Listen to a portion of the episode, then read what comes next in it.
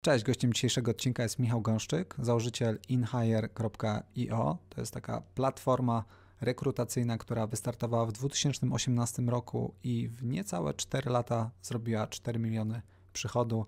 Bardzo ciekawa rozmowa, więc bez zbędnego wstępu zapraszam. Cześć Michał, dzięki, że znalazłeś czas. Na początek, jakbyś mógł w prostych słowach opisać, czym zajmuje się InHire? Cześć, e, po angielsku InHire to jest Career Marketplace. E, po polsku z braku lepszego słowa jest to platforma rekrutacyjna dla ludzi z IT. Mhm. I zarówno dla kandydatów, jak i dla mm, firm, które chcą kandydatów znaleźć, jest to jakby są dwie różne ścieżki. Tak. E, wiesz co, no to w zasadzie rynek działa w mega taki silosowy sposób, że że tak naprawdę albo masz jobboardy yy, i w IT no to jest Just Join Ofla, w pracu i protokół, jakiś tam mhm. Bulldog, mm, albo masz agencję, mm, i, I tak w zasadzie działa rynek od zawsze, a my sobie wymyśliliśmy coś po środku i to w Polsce generalnie nie istniało przed nami, albo gdzieś tam w taki bardzo słaby sposób. Yy, na świecie to już istnieje w, mhm. w tych krajach bardziej rozwiniętych i funkcjonuje. Czyli cała ta nasza platforma polega na tym, że my nie wierzymy mm, fundamentalnie od samego początku, że doświadczeni devi, czy tam ludzie z IT aktywnie szukają pracy. E, bo nigdzie na świecie tak to nie wygląda, raczej praca szuka ich i do nich trzeba docierać. Mhm. E, I teraz e, jak sobie o tym pomyślisz, że tak faktycznie jest i, i wy też chyba jesteście tego przykładem u nas, że, że tak było i to zadziałało, to, to, to jak to dzisiaj działa, to żeby pozyskać sobie doświadczonego dewelopera, to tak naprawdę musisz e, wysłać masę wiadomości na LinkedInie, czyli po prostu robić search, sourcing. Mhm.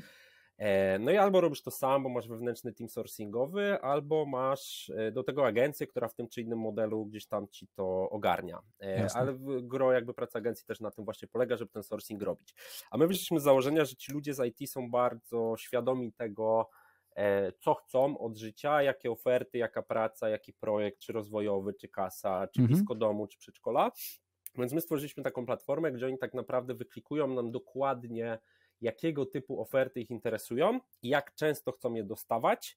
E, I to w zasadzie dla nich robimy, czyli dokładnie takie oferty, które oni chcą, podnosek im podsyłamy i umożliwiamy im potem one-click apply'a na te wszystkie oferty, które do nich e, spłyną. Czyli można w taki trochę pasywny sposób szukać nowej pracy. Tak, i teraz my jakby w, dam Ci przykład, e, jak gdzieś tam rano. Nie rozsyłając sobie... swoich cefałek. Tak. Przysłowiowo. Tak, tak, ja sobie rano gdzieś tam boks trenuję i ogólnie się okazuje, że rano boks trenują sami ludzie z IT. Więc jakby taki creep, wiesz, po każdym treningu w szatni pod prysznicem się pytam, hej, a gdzie pracujesz? I skąd znalazłeś tą pracę? No, gdzieś tam pracuję. Ja mówię, no dobra, jakie znasz portale z pracą, nie? Żaden. No, no jak żaden? No, absolutnie żaden. Mówię, no ale pracuj.pl nie znasz? O, znam, znam pracuj.pl, nie? E, ja mówię, no to jak znalazłeś tą pracę, w której teraz jesteś? No nie wszyscy mówią w zasadzie to samo. Wiesz co, no wkurzyli mnie w mojej obecnej robocie, zalogowałem się po raz pierwszy od trzech lat na LinkedIna, przeczytałem ostatnie kilka wiadomości, wybrałem sobie dwie, odpisałem tym rekruterom i, i z nimi zacząłem rozmawiać.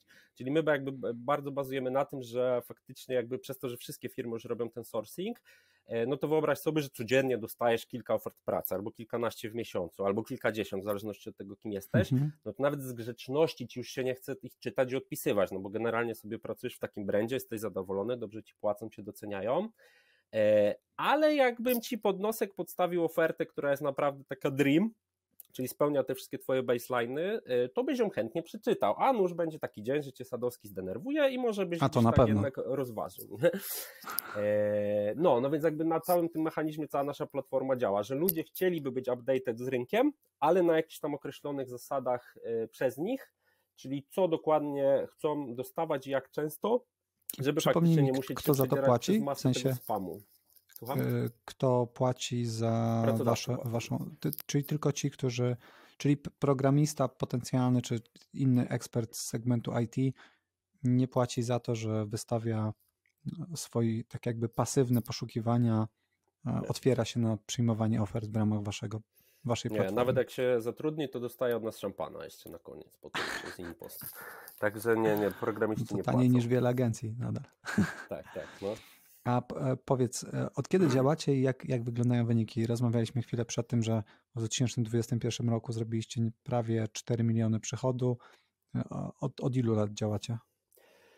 Wiesz co, tak formalnie to od 2018 roku, mhm. bo jakby... To ładnie, wtedy w 3 lata do 4 baniek, to no wiesz co, no, przyzwoite tempo.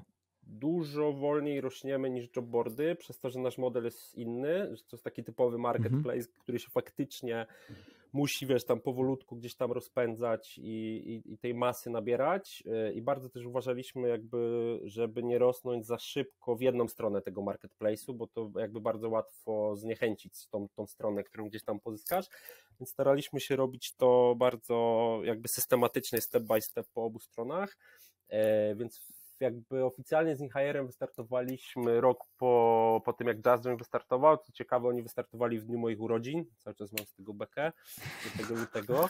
Pozdrawiamy e, Piotrka. Pozdrawiamy Piotrka, tak. E, I e, wiesz co, wystartowaliśmy w 2018 roku, nie mając absolutnie nic, mając zero osób w bazie, czy tam 10. E, i pisałem do firm, hej Michał, może wiesz co, taką platformę odpalam, która będzie twoją ofertę Pamiętam. do devów. Pamiętasz, no. E, nie mam jeszcze żadnego deva, ale na pewno będzie super. E, I w zasadzie tak wyglądał pierwszy rok, żeby jakby umożliwić wejście tym firmom na początku. Mhm. Mm, nie charge'owaliśmy w ogóle za to nic i charge'owaliśmy success fee za skuteczne zatrudnienie. E, o czym pewnie potem jeszcze pogadamy, bo, bo to gdzieś taką rzeszę problemów nam zrodziło, ale faktycznie w tym 2018 roku, jak zaczęliśmy tą bazę budować, no to, to w zasadzie ja to sam praktycznie robiłem z takiej strony biznesowej nie wiem, wtedy zrobiliśmy kilkadziesiąt tysięcy przychodów, nie wiem, z 70 czy coś, pewnie nam się z dwa placki. W pierwszym roku. Tak, u nas się mówi placki, czyli placementy, czyli dwa placki się nam gdzieś tam spięły. E, potem w 2019 roku już zrobiliśmy 400 koła, e, potem zrobiliśmy około miliona, no i potem w 2021 prawie 4 miliony. W 2022 jeszcze nie mówię, no ale tam też ten wzrost był dość duży, jakby procentowo, e, ale no mniej niż 10 zrobiliśmy w 2022 na pewno. Super, super, no to bardzo szybki wzrost, a tak trochę będę skakał po tematach, ale w jaki sposób zdobyliście tych pierwszych klientów? Co, bo z marketplace'ami zazwyczaj jest ten problem, że nie wiadomo, co powinno być pierwsze, kura czy jajko, czy najpierw przekonać pierwszych programistów, żeby wystawili się, chyba tak, chyba najpierw pierwszych programistów, żeby się wystawili, a dopiero potem szukać im, mm, powiedziałbym, amantów. Opportunities. tak. Amantów. E, wiesz co, e, My w ogóle tak formalnie to wystartowaliśmy rok wcześniej, w 2017 roku. Mhm.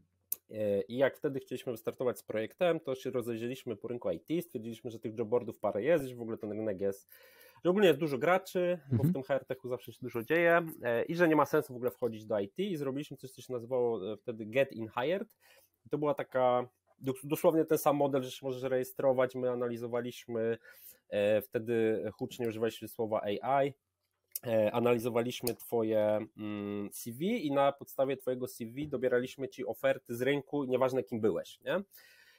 No i, e, i to było śmiesznie tak, że był jakiś prawnik z Rzeszowa, ktoś z Krakowa, sprzątaczka z Wrocławia i te profile były bardzo różne mhm. i w grudniu, w grudniu 2017 już szale goryczy przylała jakaś tam dziewczyna, która maila napisała, że hej, jestem barmanką w Londynie, jak mi znajdziecie pracę i mieszkanie w Warszawie, to łaskawie się u was zarejestruję. I ja wtedy powiedziałem, że ej, kurde, to w ogóle jakby bez ogromnej siły sprzedażowej nie ma, nie ma sensu tego, e, tego prowadzić dalej, bo, mhm. bo nie jesteśmy w stanie ofert zapewnić dla takiego szerokiego jakby spektrum ludzi. E, I zrobiliśmy w zasadzie dopiero w 2018 na początku drugie podejście do, do tego rynku IT, no i stwierdziliśmy, że wszyscy, którzy są, to są tak naprawdę jobboardy, a fundamentalnie jakby nie wierzymy w model jobboardowy w IT e, i jakby stwierdziliśmy, że jakby przemianujemy się, tam zrobiliśmy jakieś robota na stronie, jakby całą komunikację tam trochę przerobiliśmy pod to IT. No i w naszej naiwności myśleliśmy, że, hmm, że całe zło na rynku rekrutacji leży po stronie rekruterów. Mhm. Więc sobie napisaliśmy taki claim, kawałek kodu na stronie recruiters delete all. I Zauważyłem. Tak, i to zarobiście siadło u, u devów i pierwsze jakby, pierwsze paręset kont się dzięki temu zarejestrowało, że oni faktycznie, zresztą większość z nich do tej pory tak myśli, że to jest wszystko wina rekruterów, to ogólnie już, jest, już wiem teraz, że jest nieprawdą. E, I oni się zaczęli u nas rejestrować. E, potem oczywiście się okazało, że rekruterzy się na nas obrazili, nikt nie chciał z nami rozmawiać, nie? po czasie dopiero do tego doszliśmy. E, no i faktycznie to wyglądało tak, że mieliśmy pierwsze parę set kont e, i ja po prostu osobiście się odzywałem od firmy do firmy. Pamiętam jak dziś chyba wy byliście jedną z pierwszych, był Matt Zutpekera, mm, Cody Lime było, Allegro chyba mhm. było, czyli po prostu takich wiesz, e, szukałem... Network, po networku twoim. Po networku bardzo dużo, plus szukałem takich firm, na przykład Cody Lime w ogóle nie znałem i pisałem do kogo popadnie, kogo gdzieś tam znałem, czy z jakiegoś tam wspólnego znajomego.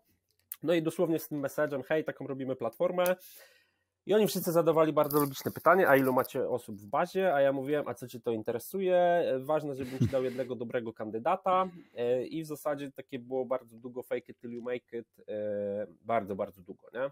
Mhm. Czyli e, kiedy przychodziła jakaś taka firma, jak na przykład my, to dopiero po mm, jakby rozpoczęciu poszukiwań w imieniu takiej firmy znajdywaliście programistów, którzy mogliby mm, pasować do tego, do tego profilu i, i w pewnym sensie zachęcaliście ich do założenia profilu, wtedy otwarcia się to jeszcze było bardziej porąbane, bo wtedy w ogóle nie mieliśmy żadnego raportowania, żadnych mhm. statystyk, mhm. absolutnie nic. Więc w zasadzie ty musiałeś uwierzyć na słowo, że my mamy tych ludzi w bazie. My braliśmy Twoją ofertę i do każdego z bazy wysyłaliśmy tą ofertę. i nie byliśmy w stanie ci tego zaraportować w żaden sposób, więc jeżeli nikt na tą ofertę nie, za, nie zaaplikował, to myślałeś, że się nic nie wydarzyło i w zasadzie to mogło się nic pod spodem nie dziać. Nie? My tam ciężko pracowaliśmy, ale nie byliśmy w stanie się jakby mhm. z tego wyspowiadać. Dopiero po czasie faktycznie ten moduł raportowy do nas doszedł i to, że faktycznie klienci widzą, e, wiesz, co gdzie jak robimy. A jeszcze tak pamiętam historycznie w 2018 przez pierwsze pół roku to my w ogóle poza Warszawę nie, nie wychodziliśmy. My gdzieś tam Jasne. dopiero w wakacje, w wakacje. Ale to chyba dobrze akurat, nie? Bo w tego typu bo marketplace wydają się być strasznie trudne do budowy. To jest trochę jak założyć portal społecznościowy. Tak. Jakby to fajnie wszystko wygląda i fajnie cała ekonomika działa w momencie, w którym masz tysiące, setki tysięcy, miliony, w zależności tak. od tego, jak dużą, jak, jak ogólny masz produkt, ale w przypadku takich marketplace'ów jak twój, no to jakby pewnie bardziej tysiące, czy może dziesiątki tysięcy już zaczynają, już ta ekonomika zaczyna działać, może nawet przy setkach. No i jeśli uderzyłbyś zbyt szeroko na początku, to pewnie mm, by się to rozmyło trochę, bo byłbyś dla każdego i dla nikogo zarazem. No i bym ci nic nie dowoził, nie? Jakby jak się fokusowaliśmy na pozyskiwaniu kandydatów z jednej lokalizacji, przecież Uber też tak zaczynał, że szli jakby Tak jest, miastami. No Facebook też w sumie zaczął od Harvardu, potem tak. rozlał się na kolejne uczelnie. I, I dlatego jakby nam te jobboardy wtedy w tym 2018 odfrunęły jakby skalą, e, no bo oni po prostu rozdawali wszystko wszystkim za darmo i wiesz, i jak się gdzieś skleiło, to się skleiło. Mhm. A my jakby chcieliśmy jakby dbać faktycznie o to, żeby, ta, żeby to sobie szło step by step i faktycznie na początku robiliśmy Warszawę, potem robiliśmy Kraków, pamiętam, a potem dopiero się na te pozostałe miasta gdzieś tam otwieraliśmy bardzo, bardzo powolutku. No. Ekstra. No to tu jest cenna lekcja, żeby rozpocząć od niszy, bo wy zaczynaliście w niszy tak naprawdę w niszy od niszy, czyli Warszawa niszy, no. i jeszcze tylko IT, tak? Tak, i najbardziej pasywni kandydaci i wiesz, którzy e, też dbają o swoje dane bardzo, bo są bardzo tego świadomi, mhm. więc jakby hej, zarejestruj się na naszej platformie no-name'owej, to, to też nie był easy sale dla nich, nie? Jasne. Czyli jak rozumiem, wasza sprzedaż działa trochę w dwóch wymiarach. Z jednej strony macie sprzedawców albo no, też nie do końca chyba nazwać to sprzedawcami, ale ludzi, którzy przekonują programistów czy specjalistów IT do zarejestrowania się u Was, z drugiej strony już taką bardziej klasyczną sprzedaż, która uderza do firm poszukujących kandydatów. Druga część się zgadza, pierwsza nie do końca, chociaż może troszkę. My tą rolę u siebie, tak szczerze, to my ją tak naprawdę zbudowaliśmy dopiero w zeszłym roku. Mhm. E, zatrudniliśmy super, e, super osobę jako taki HRBP u nas wewnętrzny e, i ona nam ten team zbudowała i my na nich mówimy Talent Advocates. Super. Gdzieś tam sobie mhm. skopiowaliśmy mhm. to z, ze Stanów. Mm, I oni mają taką rolę, mm, bo jak jesteś e, rekruterem wewnętrznym, no to wiadomo, że twój only job to jest namówić mnie jako kandydata, żebym do ciebie zaaplikował. Mhm. Jak jesteś rekruterem agencyjnym, to też masz jakieś zlecenie e, i na to zlecenie chcesz dowieść, wiesz, kandydatów.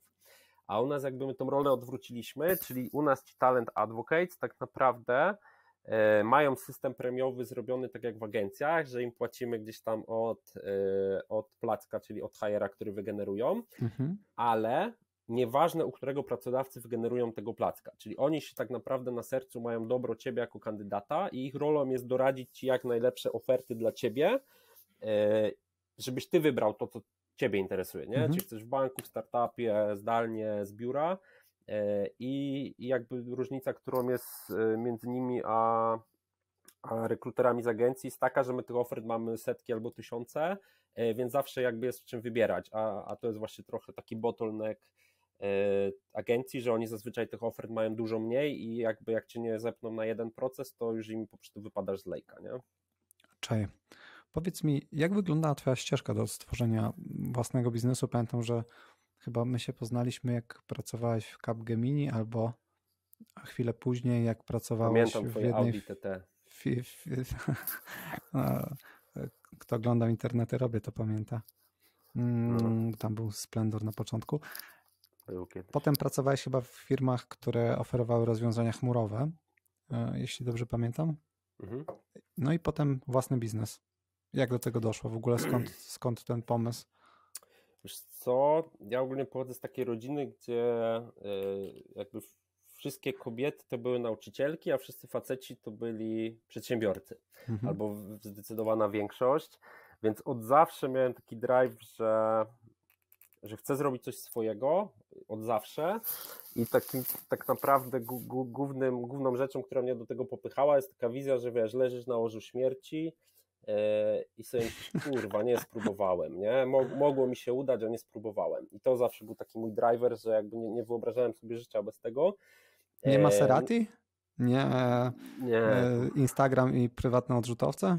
Nie, wiesz co, w mojej branży jest odpowiednio dużo influencerów, więc jakby ja jestem trochę się od tego odcinam, co pewnie jakby się też odbija na naszej marce, że nie, nie mam takich ciągotek, broń Boże, e, ale, ale jakby ten drive do tego, żeby robić coś swojego, zawsze mi się podobało, jak byłem dzieciakiem, że wiesz, tata mógł sobie wyjść, przyjść, robić co chciał, gdzie chciał, e, i, i, nigdy nie widziałem ty, tego downside'u, nie? który gdzieś tam on tam przeżywał pewnie wewnętrznie. A właśnie. E, przez lata.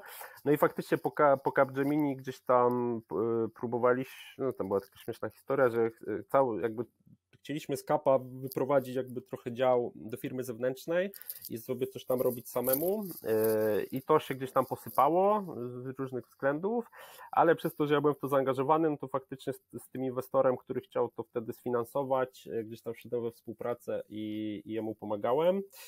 E, to była taka serwerownia bardziej niż rozwiązania chmurowe. No i to był taki bardzo hardkorowy experience dla mnie, w sensie how not to, e, jak nie, jak nie zarządzać, jak nie rozmawiać z ludźmi, etc. No i tam mi strasznie zryło, zryło beret, e, tak emocjonalnie i też tak życiowo. No ale tam poznałem super ludzi, bardzo dużo się nauczyłem, takich wiesz, właśnie bardzo wielu mogłem wtedy rzeczy dotykać. E, czyli biznesowo, tego jak robić umowy, e, jak w sądzie się bronić, jak coś tam, jak coś tam, oh, wow. takie, ba, ba, tam, no, tam było po bandzie ogólnie, więc dużo mi to dało takiego przetarcia biznesowego, że byłem w stanie się wziąć trochę za wszystko i się nie bałem. No i, i tam poznałem też moich founderów, nie? I, I do tej pory mam w zasadzie, wiesz, dużo znajomości z tamtej firmy wyciągnąłem, nie? Okej, okay, czyli praca, no bo często to się słyszy w sumie, że ludzie, którzy przebrnęli przez um, takie firmy, czy konsultingowe, czy, um, czy, czy, czy, różne podmioty z przestrzeni technologicznej, zakładają własne biznesy po tym, jak zbudowali sobie network, po tym, jak zbudowali sobie kompetencje, jakby nauczyli się wielu rzeczy, które przydają się albo są niezbędne nawet w tworzeniu własnej firmy. Przecież co u mnie to było raczej na odwrót, że ja specjalnie wybrałem tą drogę, żeby skończyć na tej drodze, na której skończyłem. Czyli mhm. jakby miałem gdzieś tam jakieś też y, paru mądrych ludzi w życiu na swojej drodze, jak byłem młodszy. Trochę za późno, bo pewnie bym dużo wcześniej zaczął i, i jak mówiłem, dobra, chcę być przedsiębiorcą, jak to zrobić? No i wszystkie te osoby, które wtedy spotykałem w zasadzie yy, mówiły mi, idź do małej firmy, nauczysz się yy, i, i wiesz, i, i zobaczysz jak to wygląda. Yy, potem spotkałem takiego super mądrego człowieka, bo ja życie byłem barmanem na studiach E, I, I, spotkałem takiego mądrego człowieka, Jerzy Czubak się nazywał, to jest taki bardzo, bardzo znany Polak na świecie, on jest teraz Group Managing Director Amcora, czyli największego chyba producenta e, opakowań na świecie. Mhm. E, i to gdzieś tam jest wujek mojego kumpla e, i on mówi, stary, no super, że jesteś barmanem, ale weź to jebnij, po prostu idź do jakiejś korpo, naucz się po prostu jakichś podstaw biznesu od zera mhm. E, i to ci da więcej niż jakby bycie tym barmanem przez, przez, przez kolejne 10 lat i faktycznie wróciłem, bo tu w Szwajcarii go kiedyś poznałem, wróciłem z tej Szwajcarii, od razu rzuciłem pracę tego samego dnia, no i mój promotor, czy tam mój wykładowca, bo ja w Łodzi studiowałem, mój, mój promotor mnie ściągnął do Warszawy, do Capgemini i, i tam faktycznie tam stwierdzili, że jak mam y, parę lat doświadczenia w gastronomii, to będę na pewno dobrym PM-em na wdrożeniu e, SAP-a w fabryce wódki. I mnie wysłali e, do Lublina na wdrożenie SAP-a i super się tam odnalazłem i, i było ekstra. Nieźle. To trochę dotknęliśmy tematu, jak e, znalazłeś founderów. To jest takie jedno z najczęstszych pytań, które zadaję, bo to jest też jedno z najczęstszych pytań, jakie dostaję od ludzi, gdzie znaleźć foundera. Ty, rozumiem, znalazłeś ich w jednej z firm, w których pracowałeś. Tak. I tu masz jednego foundera, dwóch founderów? Wiesz co, no to też jest taka śmieszna historia, że, yy, że miałem dwóch na początku. A to jest tak. klasyczna historia, bym miałem powiedział. Miałem dwóch na początku, teraz mam nadal dwóch w CapTable, ale jednego prawdziwego. No to to jest dość, mm, że tak powiem, popularne tak. popularny przebieg zdarzeń, że gdzieś tam się rozjeżdżają drogi po drodze, drogi po drodze. U nas też tak chyba było, nie? No, u nas też jakby jeden, jeden z założycieli z czasem po prostu potrzebował szukać jakoś własnej drogi, własnej ścieżki, więc stał się pasywnym mm, udziałowcem w Brand24, a potem gdzieś tam przy okazji jakiegoś wejścia no, inwestora wyszedł ze spółki. Okay lata No temu. to u nas też jest pasywny, ale cały czas jest jakby na cap table, nie? Jasne, jasne. No to jest, to jest e, to też e, powiedzmy ciekawy temat, ale tego już nie będę pewnie mm, e, rozgryzał. Powiedz, jakby rozmawialiśmy sobie chwilę przed tutaj wejściem, że przeszliście przez różne trudne chwile w prowadzeniu tego biznesu. Mm, rozmawialiśmy chwilę o, o, o, tych naszych kryzysach. Wspomniałeś, że masz wrażenie, że co, co roku albo co miesiąc masz, masz, masz takie. Co miesiąc. Co najmniej co miesiąc. Co najmniej co miesiąc. Z czego to wynika? Bo wydawałoby się, że marketplacy też są dość odporne na różnego typu e, wahnięcia. Czy, czy tutaj jeszcze skala jest skala, na tyle myślę. Mm, jeszcze relatywnie niewielka, choć no 4 miliony czy, czy no kilka milionów złotych to, to to nie jest już mały biznes. Wiesz co, myślę, że skala, jakbyś się mojej żony zapytał, to ona od wejścia wie, czy jest dobrze w firmie, czy źle, nie? Jakim, jakby z jaką miną wchodzę do domu. Mm, no, ale to jest jednak, wydaje mi się, że u mnie to jest to, że, że jestem bardzo operacyjnie cały czas zaangażowany mhm. E, i w produkt, i w sprzedaż, i w zasadzie we wszystko. Mhm. E, I jakby no bardzo to w sobie noszę, nie umiem tego odpuścić i po prostu jakiś taki film American Sniper, nie wiem czy oglądałeś. I tam z Bradleyem Cooperem? Tak, tak. I tam była taka scena, jak on wrócił z którejś tej, e, z tego tam, z tej misji i siedzi sobie w domu e, przed telewizorem i ten telewizor nie gra, nie? on jest taki zamyślony, że tam duchem, jakby ciałem tam jest, a duchem mhm. go tam zupełnie nie ma, no to ja się, często się na tym łapię, że wiesz, siedzę w domu, się niby z dzieciakami bawię, a wiesz, się gapię w sufit i, i, sobie myślę o tym, co jeszcze mnie tam czeka albo co muszę zrobić, więc wydaje mi się, że to jest jakby, e, że to jest jeszcze element skali, że nie, że nie na każdym jakby filarze e, biznesu udało się nam jeszcze mhm. zbudować, wiesz, osobę, która to po prostu bierze od A do Z na klatę, e, no a na koniec dnia to i tak ja to biorę na klatę, e, bo wiesz, nikogo... A powiedz, z czego to wynika? Wy macie w ogóle inwestora? Mamy, no, mamy, wiesz, mamy mniejszościowego inwestora.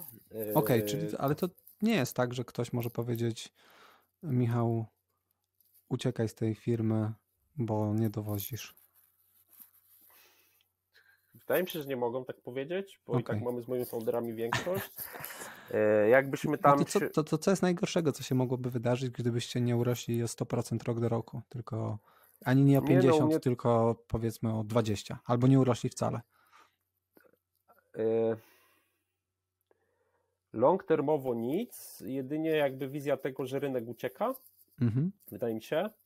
E, a short termowo to jakby my cały czas się staramy w ogóle, ja przez te lata w ogóle w dupie miałem jakąkolwiek EBITDA, wszystko wydawaliśmy, mhm. bo przecież wszystko reinwestowaliśmy ludzi, procesy, No pewnie, etc. wiadomo.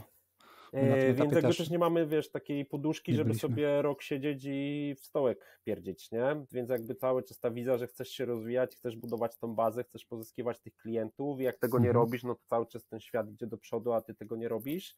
E, więc wydaje mi się, że to jest jakby takie chyba wewnętrzne poczucie, że to się musi rozwijać, a nie jakby obawa, że ktoś przyjdzie i mnie zwolni, nie? No bo a, takiej opcji jasne. nie ma nawet. A, a to, czy, czy to nie jest tak, bo jakby e, wydaje mi się, że zawsze będzie większa ryba gdzieś tam i zawsze mhm. będzie ktoś, kto jest e, ma większą EBITDA, ma większy przychód i nawet najwięksi kozacy w Polsce czy nawet na świecie nie mogą powiedzieć. Zawsze jest ktoś, pewnie na kogo będziesz patrzył, niezależnie od tego, jak będziesz wielki, myślał sobie, kurde, ale jakbym był nim, albo jak, jakbym miał taki biznes jak oni, no to wtedy byłbym szczęśliwy. I nie wiem, ja, ja przynajmniej tak miałem przez, przez wiele lat, że jakby cały czas goniłem, czy cały czas stawiałem kolejne cele i nadal to robię, ale nie, jakby nauczyłem się pokochać drogę w tym wszystkim. nie wiem, czy to dobrze brzmi, ale jakby e, żeby być świadomym tego, że zawsze będzie ten kolejny cel i, mm, i, i, i zawsze będziesz niezadowolony. Zawsze, zawsze będzie ci się wydawało, że to za chwilę może e, gdzieś rynek uciec, albo spółka upaść, albo cokolwiek. Wiesz co, no to, to, to tą świadomość już jakby też mam, yy, że jakby my nie walczymy z nikim, no bo nas się porównuje do jobboardów, a jednak wiesz, jobboard bazuje na, na takim modelu bardzo, że musisz być wielki i musisz mieć dużo ruchu, żeby wszystkim imponować i to też jakieś mhm. patologie rodzi Ale właśnie rynku.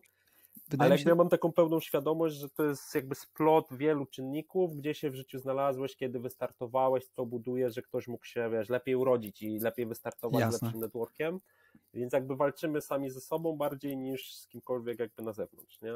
No, bo właśnie takie porównywanie jest, no to jest ciężkie. No, my jesteśmy często porównywani do live chata i oczywiście przegrywamy z Kretesem to porównanie, ale jakby e, o ile u nas to jest gdzieś pochodna tego, że jesteśmy na giełdzie, tego, że mamy cap table pełny akcjonariuszy, no, no to to jest gdzieś tam naturalna ścieżka, że jakby jest to ciśnienie. Natomiast wydaje mi się, że w takim biznesie jak twój to e, jakby z całym szacunkiem, to, to, to, to ciśnienie powinno być mniejsze, bo mm, jakby nie ma nic złego w, w posiadaniu 4-milionowego biznesu, to nie jest żaden wstyd, e, ani mm, żeby gdzieś tam, nie wiem, porównywać się do biznesów, które mają 50 czy 70 milionów. Super, fajnie, mm, jakby brawo dla nich. E, natomiast nie, nie wiem, czy, czy, czy, czy nie masz przypadkiem takiego poczucia, że w Polsce szczególnie, ale też na świecie jesteśmy tak wszyscy zachłyśnięci tymi jednorożcami, że i tą gonitwą, że jest, jest tak jakby, ja często jak zaczynam tego typu rozmowy, jak sobie gdzieś tam rozmawiamy na privie, na Messengerze czy gdzieś, to jak pytam na przykład o, o wyniki, to mam wrażenie, że ludzie pisz, piszą wstydliwie y, na przykład 4 miliony, nie? Zrobiliśmy tak, 4 tak. miliony. To jest kurde zajebisty wynik, nie? A, a, a żyjemy trochę w świecie. To zawsze mówi. Słucham? Mówi, Mateusz z Uzbekerami to zawsze mówi, przestań, co ty pieprzysz, nie? Mówi, e, wiesz co, ja na to trochę patrzę inaczej, bo jakby ja raczej patrzę z perspektywy niedoskonałości, które u nas są w biznesie, które wiem, że się patrzą tu na mnie, wiesz, że je należy poprawić. Ale zawsze będą. E, tak, no. To ja e, prowadzę, wiesz, dwa razy dłużej od ciebie firmę i dalej mam cały wianuszek niedoskonałości, które tak, są. To jest, to jest piękne. Perfect, e, perfect profile klienta, nie? Wiesz co, u nas to raczej, bo my po prostu gramy w długą piłkę, nie? U nas mhm. jest dzisiaj zarejestrowanych 17% wszystkich polskich devów, mhm i wiemy, kiedy, jakie oferty chcą i co ich interesuje i kiedy się do nich odezwać. Czyli u nas to jest raczej kwestia tego, żeby po prostu stabilnie rosnąć i się nie wysypać gdzieś po drodze, bo przez to, że jakby jesteśmy biznesem opartym w 100% o dane i o to, że mamy ten network tych ludzi i że potrafimy do nich docierać i ich pozyskiwać, Jasne. E, to raczej to jest kwestia zbudowania wiesz takich procesów e, też marketingu i, i sprzedażowych, bo na przykład ostatnio odkryliśmy, że tak samo skutecznie potrafimy dowozić klientom za granicą, jak w Polsce. Mhm co by the way w ostatnim kwartale zeszłego roku dopiero się nauczyliśmy robić. Więc teraz to jest kolejny znowu challenge, jak wiesz, jak zbudować sprzedaż zagraniczną, a po drodze nie wydać, wiesz, 200 tysięcy euro na jednego salesa, który się może okazać nie mniej lub bardziej trafiony, nie? Jasne. A przypomnij, większość sprzedaży, jak rozumiem, macie na razie w Polsce. E, tak, no, większość mhm. w Polsce. I y, jak zamierzasz e, wychodzić za granicę? Czy macie tu jakiś y, właśnie plan budowy może nieco sprytniejszej tego działu sprzedaży niż zatrudnienie jakiegoś przysłowiowego pistoleta, mówisz, za 200 tysięcy? Robiliśmy już zatrudnianie pistoletów różnych, o różnych mhm. profilach, native'ów, młodych, starych, kobiet, mężczyzn i to średnio nam wyszło, mhm. e, więc teraz w zasadzie pokornie wróciliśmy do takiego chyba planu bardzo down to earth, czyli wychodzimy na zagranicę z klientami, E, czyli mamy klientów, którzy mają gdzieś tam procesy rekrutacyjne na świecie.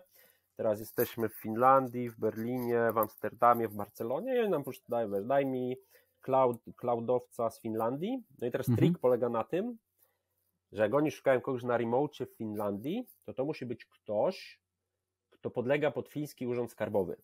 Czyli to nie jest sztuka im wysłać 10 Polaków, którzy by chcieli, albo 100, którzy by chcieli, wiesz, na B2B pracować E, dla spółki tam i zarabiać w euro i w ogóle być królem życia, tylko oni potrzebują kogoś, kto faktycznie pod UOP będzie podlegał pod tamten urząd skarbowy. I to się jakby powtarza w różnych krajach w Europie, więc chcemy iść po prostu miasto, miasto po mieście z klientami. A druga rzecz, którą robimy, to gdzieś tam rozmawiamy z różnymi ATS-ami, bo teraz znowu, jeżeli my umiemy pozyskać kandydata, jakbyś ty szukał w Berlinie i dla ciebie bym pozyskał 10 kandydatów mhm. z Berlina, no to też dla mnie jest ogromną stratą, że nie mam dla, niej, e, dla nich e, innych ofert. E, więc jakby mamy gdzieś tam jakiś pomysł na to, żeby te oferty automatycznie pobierać z, z ATS-ów. I gdzieś tam jesteśmy w rozmowach z kilkoma dużymi ATS-ami, które mają po prostu otwarte API i są w stanie nam dać te oferty IT swoich klientów z tamtych miast. I my jako to będziemy mogli pokazywać jakby naszym kandydatom jako po prostu takie viable options w tamtym konkretnym mieście, nie? A dla nich to jest po prostu add-on, że to jest jakiś tam dodatek do ich, e, do ich produktu. Super, no to trzymam kciuki za ekspansję. A powiedz, e, bo dotknęliśmy trochę tego tematu, e, tego jak jesteś z rodziny o tradycjach przedsiębiorczości. Jak sobie wyobrażałeś bycie przedsiębiorcą i posiadanie własnej firmy, a jak jest w rzeczywistości? Jakie są różnice główne? Jak byłem dzieckiem, to sobie wyobrażałem tak, że można wszystko czas i jak trzeba, to wszystko robisz. Mm, a teraz jest tak, że wczoraj byłem u fryzjera specjalnie przed tym podcastem po raz pierwszy od trzech miesięcy, Widać. bo nie mam kiedy iść do fryzjera. Nie? Widać mi e, Tak. E, I no bardzo no chyba bardzo idealizowałem, nie? że to jest jakby wszystko, e, wszystko takie proste, e, ani totalnie sobie nie zdawałem sprawy, tak, wolność, nie? No i z jednej strony ona jest, no bo jakbym teraz, wiesz, zadzwonili z przedszkola, że coś się dzieje z synem, to bym po prostu wyświetliłem pocztę, no w dupie po prostu wszystko i, i, ta, mhm. to faktycznie jest i to jest super, ja to bardzo sobie cenię, ale na pewno nie doceniałem tego, wiesz, jak dużo ze sobą się zabiera do domu e, i to, że faktycznie problemy Twoich klientów się stają Twoimi problemami i problemy Twoich pracowników stają się Twoimi problemami, ktoś ma jakieś problemy zdrowotne, e, jakieś tam, wiesz, życiowe sytuacje różne się dzieją i faktycznie to wszystko gdzieś tam się przekłada na firmę i, i się mhm. z tym chodzi wewnętrznie bardzo, no ja przynajmniej, jakby ciężko mi się od tego odciąć, nie? Nie, nie nauczyłem się, ja ciebie zawsze podziwiałem, mówię, Jezu, jak on kurwa ma czas w ogóle na te podróże, skąd w ogóle, gdzie, gdzie, którędy, jak, jeszcze te dzieci zabiera, wiesz, mówię, to jakaś masakra, nie? E, I, no, I to jakby ciągła gonitwa i ciągłe noszenie tego w sobie, to tego mocno nie doceniałem, że to, że to tak będzie wyglądało. Nie? Ja przez wiele lat miałem dokładnie taki sam problem. To znaczy też przynosiłem problemy do domu i też powtarzałem sobie zawsze, że na spędzenie czasu z rodziną jeszcze przyjdzie czas, że teraz jest ważniejsze, żebym przycisnął z firmą, a na rodzinę, zdrowie, zadbanie o siebie, o to, co jem, o to, czy ćwiczę i tak dalej. Na to jeszcze przyjdzie czas, jak. Jak się dorobię. Jak się dorobię. I przy czym to dorobię jest bardzo no tak. enigmatyczne, tak. bo to się trochę przesuwa, nie ma takiego jakiegoś jasnego, ustalonego progu, po którym można powiedzieć, to już jest ten moment, w którym jestem dorobiony i teraz już zwalniam tempo. Więc naprawdę największa, to brzmi trochę coachingowo, e, niestety, ale najwię, naj, największa prawda, jakiej się nauczyłem, to że naprawdę trzeba pokochać drogę. Tak. Mm, I, i, i, e, i jakby pierwszą rzeczą, jaką mówimy ludziom dołączającym do Brand24 jest to, że robiąc tutaj naprawdę fajne rzeczy, nic co tu robicie, nic co tu robimy nie jest ważniejsze od waszego zdrowia i zdrowia waszych bliskich to, to jakby na pewnym etapie po prostu zacząłem żyć tak e, sam, tym, tym co mówię, a nie tylko. Wiesz, mm. wiesz co, to ja też tak miałem, a potem ja teraz mam już trzecią falę chyba, bo na początku miałem tak, że było tylko praca i w ogóle nic mhm. nie robiłem poza pracą. Potem jak mi się syn urodził, to mi się w ogóle życie odwróciło do góry nogami, mi się wiesz, zakochałem i w ogóle wiesz, jakiś super. E, a potem jeszcze wpadłem w taką pułapkę, że ej, kurde, ty za, za dużo czasu spędzasz, wiesz, myśląc o synu, jak go odbierzesz, co zrobicie, myśl o biznesie, wiesz, że miałem poczucie winy sam ze sobą, że jakby mam fajny czas, spędzam prywatnie, a nie noszę, wiesz, firmy sobie w kółko, nie, bo widzę sobie innych founderów, jakieś tam znają, wiesz, młode chłopaki, 20 parę lat i cisną non-stop 24 godziny na dobę, więc teraz dopiero jestem na takim etapie, że ja mam chyba taki komfort też, że, że, sporo tych founderów znam i to, co mówisz, to na przykład Sebastian Trzyborowski z Prolim zawsze -hmm. mówił, nie? że droga, droga, droga, że, że nie ma tego magicznego kiedyś i faktycznie gdzieś tam do tego doszedłem. No i teraz jestem na takim etapie, że faktycznie staram się to bardzo gdzieś tam wypośrodkować i jeść, ćwiczyć, tam schudłem z 15 kilo ostatnio. E, to ta więc... stówka, o której mówiłeś, to, to już była 107 już miałem, 107 miałem. E, więc e, teraz się staram... Czy metr 50 wzrostu, złapać. przypomnijmy. Tak, metr 50. Tak. No więc to jest chyba ważne, bo tak w long termie, no to pewnie bez tego się bardzo łatwo spalić, nie? Mhm. No, wypalenie to jest jedno, jedno wyzwanie, ale właśnie e, no, to, że to się przelewa na rodzinę, to jest chyba największy problem, bo tego no, czasu, bardzo. który możesz spędzić w tej chwili z synem, to, to, to, to, to nikt już nie odda. Przyjdzie czas, w którym on nie będzie chciał się tam przytulić, nie będzie chciał pójść pokopać w piłkę czy na plac zabaw, nie? Wiesz co, ja, ja dlatego zawsze śmieję, jak ktoś mówi, że firma to jego rodzina, nie? Mówię, takie rzeczy tam, że pieprzyć ktoś, kto rodziny nie ma, nie? Że wiesz, przychodzisz do domu, biegnie do ciebie uśmiechnięty od ucha do ucha się przytulić, albo sobie idziecie razem spać, albo czytacie książkę, to w ogóle nie da się czym, czymkolwiek tego zastąpić, nie? Mhm. Więc to faktycznie jest jakby, te, też się nauczyłem doceniać te rzeczy, nie? Bardzo. Super. E, ciekawe tematy. E, chciałem Cię zapytać jeszcze jedną rzecz, która jest typowo jedną z najpopularniejszych, które tutaj pytamy founderów w spółkach technologicznych. Jak podchodzisz do tematu bootstrap versus finansowanie zewnętrzne? Jak podchodzisz do tematów mm, związanych z inwestowaniem? Na którym etapie podnieśliście kasę? Czy były już pierwsze przychody, czy to była jeszcze wczesna faza, kiedy przychodów nie było? Jakby ktoś zapytał Ciebie, mm, drogi Michałku, chciałbym rozkręcić biznes, czy uważasz, że powinienem wziąć inwestora od razu, czy na początku spróbować bootstrapować, a czy na późniejszym etapie powinienem wziąć inwestora, czy, na, czy w ogóle nigdy nie, nie brać, to myślałem się, że e, nigdy to, to raczej odradzisz, skoro e, sam wziąłeś. Ja uważam, że ktoś mówi ci, że ta opcja jest dobra, a inna jest zła, to w jedną, w drugą stronę jest jakby ma jakąś agendę za tym, mhm. nie? W ogóle był taki startup kiedyś e, w, we Wrocławiu, Maciej Gupiński on się chyba nazywał, ten gość, który właśnie taki chciał zrobić soft, który analizuje, co piszesz online i mówi, dlaczego to piszesz, nie? że na przykład mówisz, że bitcoin rośnie, to pewnie dlatego, że masz bitcoiny i to jest jakby w twojej, e, w twojej jakby dobrym e, interesie, żeby tak mówić. E, więc jakby odradzam na pewno słuchanie kogokolwiek, kto mówi, że jest jedna opcja dobra, a tak zupełnie realistycznie, z tego co ja obserwuję, to no u nas w kraju się nie da podnieść rundy na pomysł, Mhm. E, I u nas też tak było, że. No chyba, że jesteś founderem, z, który wcześniej no tak, robił tak, grube rzeczy. Wiesz, Stefanem e, wiesz, to ci pewnie mhm. wiesz, na uśmiech dają wszyscy. E, ale ogólnie to. No ale też tych wiesz, takich success stories jest relatywnie mało, nie? Więc jakby nikt ci nie da na, na piękne oczy pewnie.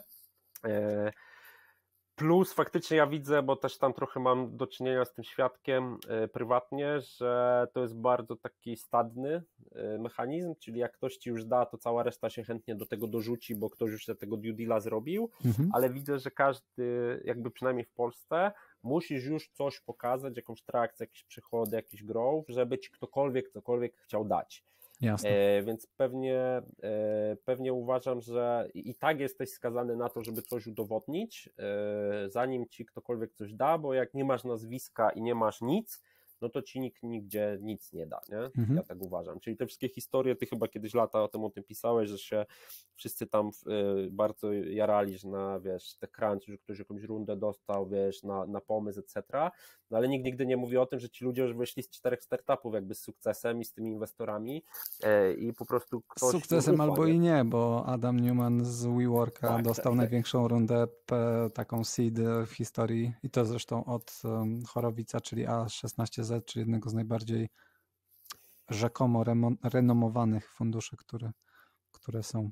Więc e, nie zawsze albo powiedzmy, albo odnieśli sukces, albo odnieśli spektakularnego faila. No ale to jest Ameryka, nie? Że jakby to, tak, ale wiesz, no, jakby coś tam do tego czasu zbudował, mniej lub bardziej fejkowo mm -hmm. Adam, e, ale no u nas w kraju jakby nie da się. No nie, u nas, no nie da u nas, podnieść. U nas sam Bankman Fried nie, nie, nie, nie podniósłby chyba kolejnej rundy. Ale, ale widzę na przykład. A w Stanach świecie... niewykluczone, że tak będzie, będzie. Ale widzę na świecie, wiesz, że tu na przykład moi koledzy tu z Polski jakby inwestują e, przez to, że oni podnieśli jakieś rundy globalne, e, to dostali jakby dostęp do networku tych inwestorów. Mhm. E, I często gęsto wchodzą jako tacy, wiesz, angele do firm, które, które jeszcze nic nie mają, tylko po prostu na pitch decka zbierają, wiesz, 7 milionów dolarów, nie? Okay. E, ale to znowu, to z tego co ja widzę, to działa tak, że po prostu ktoś już dał okejkę z jakiegoś dużego funduszu i oni się po prostu jakby hurtowo do tego wszyscy dołączają, mm -hmm. czyli ktoś już jakiś tam stempel jakości e, przyłożył do, nie? do tego. I ja osobiście przestrzegam przed tego typu mm, podejściem, bo potem są historie e, takie właśnie jak wspomniane FTX, gdzie wszyscy zobaczyli logo Sequoia w CapTable, więc tłumnie tam walili i nie sprawdzali ze 100 Jakie? dolarów straciłem na FTX-ie. Nawet tak? dzisiaj maila mi wysłali, że mogę claimować zwrot moich 100 dolarów. O proszę. Tak. O proszę, to może syndyk tam coś odzyskał. No, wątpię, ale no, no e, FTX... Nie, podobno tak, połowę kasy odzyskają. Z tych tam tak? kilkunastu miliardów połowę w różnych aktywach odzyskanych. Ja, ja, wiem, że ty jesteś trochę hejterem krypto, ja wręcz przeciwnie. E, nie, nie, hejterem nie. Po prostu jakby na razie nie widzę użyteczności. E, jest taki fajny mem na, na Twitterze e, z gośćmi, którzy na siłowni próbują jakimiś dziwacznymi ciężarkami pracować, podnosić różne, różne rzeczy i jest podpis Crypto Bros jakby przekonujący cię o użyteczności kryptowalut, tak. nie? Ja, ja już od chyba 2017 jakby w tym jestem i no i widziałem te wszystkie, wiesz, IPO, czy tam, jak to się wtedy nazywało? ICO. ICO. E, I w też wielu brałem udział, no i już to wszystko upadło, nie? To wszystko nie istnieje. Więc jakby ja bardzo empatycznie podchodzę do tych ludzi, którzy, wiesz, na, na FTX się trzymali, wiesz, pewnie grube oszczędności niektórzy no i tak. wszystko stracili, nie? To jest po prostu zwykły chamski skam. E, no więc FTX e, smutną jest bardzo historią. No, ale to jest jedna z wielu. W tej chwili Binance został pozwany przez jakby amerykańską komisję handlu bodajże tak, o, tak. O to, że grali sami na własnej giełdzie, czy dopuszczali, czy ułatwiali rejestrację ludziom z Ameryki, na której nie powinny, czy z której klientów nie powinni przyjmować. No tam jakby E, dla mnie branża krypto, poza tym brakiem użyteczności, bo, bo, bo, bo ta jest użyteczność jest, jest mocno naciągana w przypadku tych wszystkich, albo większości tych projektów. Są takie, które mają jakąś użyteczność, ale większość jest bardzo mocno naciągana.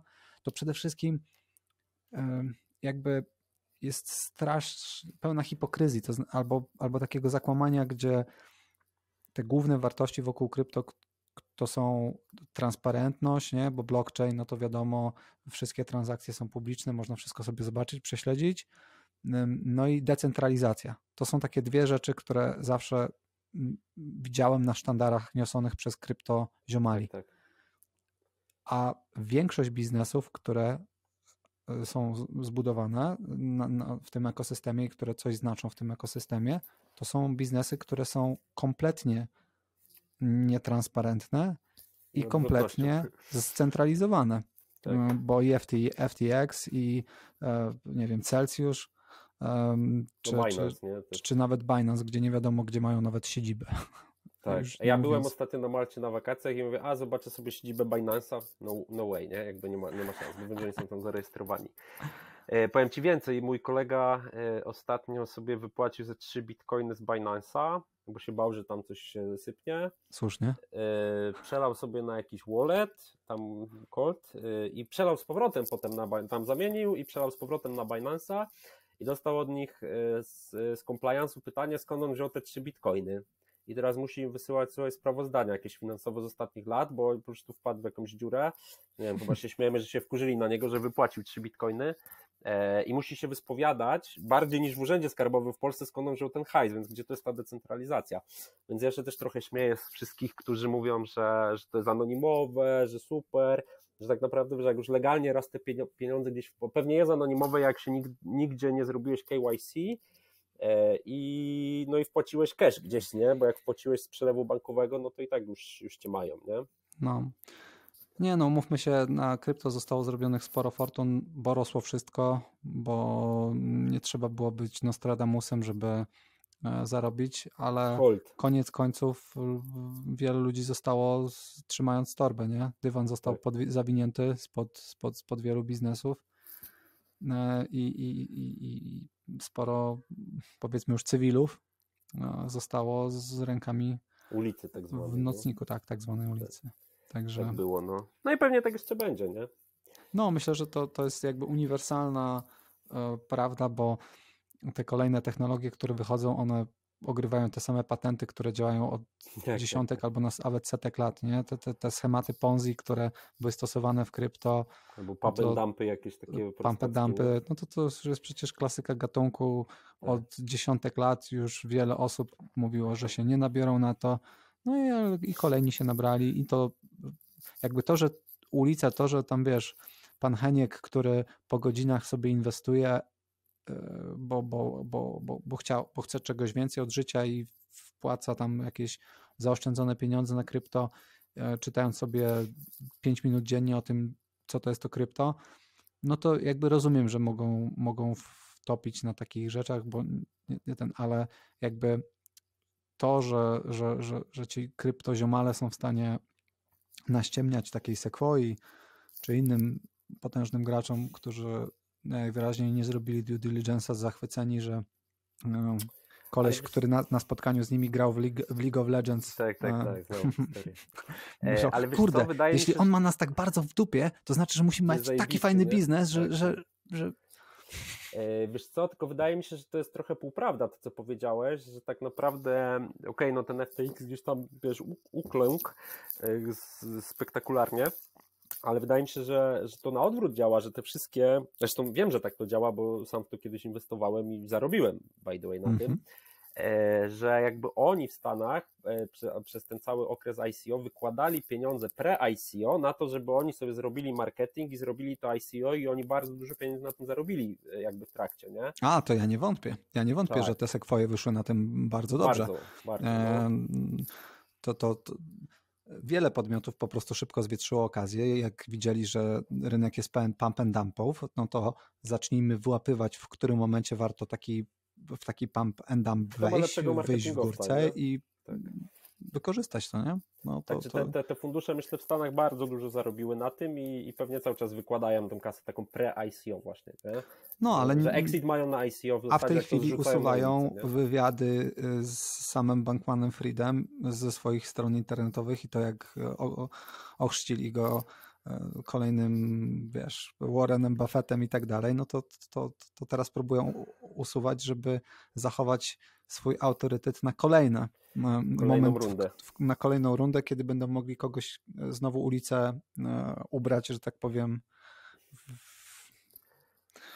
No teraz jest akurat, teraz jest fajna narracja, nie? Na krypto, że, że jak te banki niby mają upadać, pewnie nie upadną, tylko je zbailoutują, e, no to jakby wszyscy kryptobros, których ja tam followuję, tak powiem, no to na war never, nie? Albo ten Bitcoin coś teraz pokaże bzdury, i faktycznie moim na zdaniem. był. Moim zdaniem bzdury. Ja czytam, od, czy, czytam też o tym, widziałem ten zakład, który goś zrobił postawiając milion, że w ciągu 90 dni e, system bankowy upadnie i e, będzie, e, i on postawił milion dolarów na to, że Bitcoin sięgnie miliona dolarów wyceny, a w 90 tak. dni padnie system bankowy, no to moim zdaniem to są absolutne bzdury. Ten koleś, ja sprawdziłem sobie od chyba 2013 roku, co rok mówi, że jest mm, że, że, że, że jest apokalipsa. Kiedyś będzie miał rację. Kiedyś będzie miał rację, wtedy powie, a widzicie? A, widzicie? A, mówiłem. Mówiłem. A jeśli, nie ma, a jeśli nie ma racji, no to mówi oczywiście, no niezbadany rynek, to wiecie, jakby rynek zachowuje się nieracjonalnie. Będzie się to wahać, są, jak to mój wykładowca mówi. Tak, ci szamani. A z Bitcoinem to tak moim zdaniem nie będzie, dlatego że y, że nie ma tej użyteczności. Gdybyś mógł zapłacić bitcoinem za fryzjera albo za, yy, u którego byłeś wczoraj, albo za, za zakupy w Lidlu, to oczywiście jak najbardziej ma to, może to mieć sens, ale w momencie, w którym no jakby co z tego, załóżmy, że to się wydarzy, że banki padną i wybierzesz, wy, ludzie wybiorą kasę i przerzucą ją na bitcoin albo cold wallety, no. czym będziemy płacić za, za wszystko? Mm, no, ja na, tak już osobiście największą wartość, jaką widzę, poza spekulacyjną oczywiście, e, no to jest jakby takie store value, nie? Że, że wiesz, jak byłby to jakiś konflikt, e, nie daj Boże, e, no to łatwiej mi, wiesz, z cold walletem między o, oczywiście, wyjechać oczywiście. niż z Oczywiście, jak się wojna nie? zaczęła, to dużo się słyszało o, tak. no, o ludziach, którzy już nie z sztabki złota, tylko cold wallet, E, i, i, i e, bitki gdzieś ukryte, I zaszyte. Jest, I to jest jakby, i to jest dla mnie takie główne chyba dzisiaj utility, albo w tych krajach, wiesz, gdzieś tam trzeciego tak, świata. Ale, ale tym utility nie, zapłacisz, wiesz, jak uciekniesz e, z krematorska do Hiszpanii przed Ruskami, to i tak będziesz musiał to zamienić tego bitka na jakieś, jaką, jak, jakieś konto w banku i, i żeby płacić za musisz, rachunki w Lidlu to już jest so simple, że przelewasz sobie na Binance'a, masz kartę do Binance'a i przelewasz ci z konta schodzi, nie? Więc to, to oni już to naprawdę, i to Binance jakby, tak wszyscy hejtują tego Binance'a, bo nie pewnie dużo shady rzeczy robią, ale oni jakby dla tej takiej utylizacji codziennej to jednak sporo tych rzeczy robią. Oczywiście pobierając e, w trakcie super, e, super fee, nie? Ciekawa rozmowa. Zjechałem na tak. tematy krypto. E, tak. To jest dla mnie bardzo ciekawe i to jest takie dziwne, bo ja nigdy, znaczy nie mam żadnych kryptowalut, nie, nie, nie jestem w to w żaden sposób zainwestowany, ale obserwuję z boku, bo też jest to segment, w którym jest dużo takich grifterów, e, którzy i oszustów po prostu, tak, tak. co mnie jakby strasznie irytuje. Um, i, i, i, stąd też tematem się interesuję trochę z boku.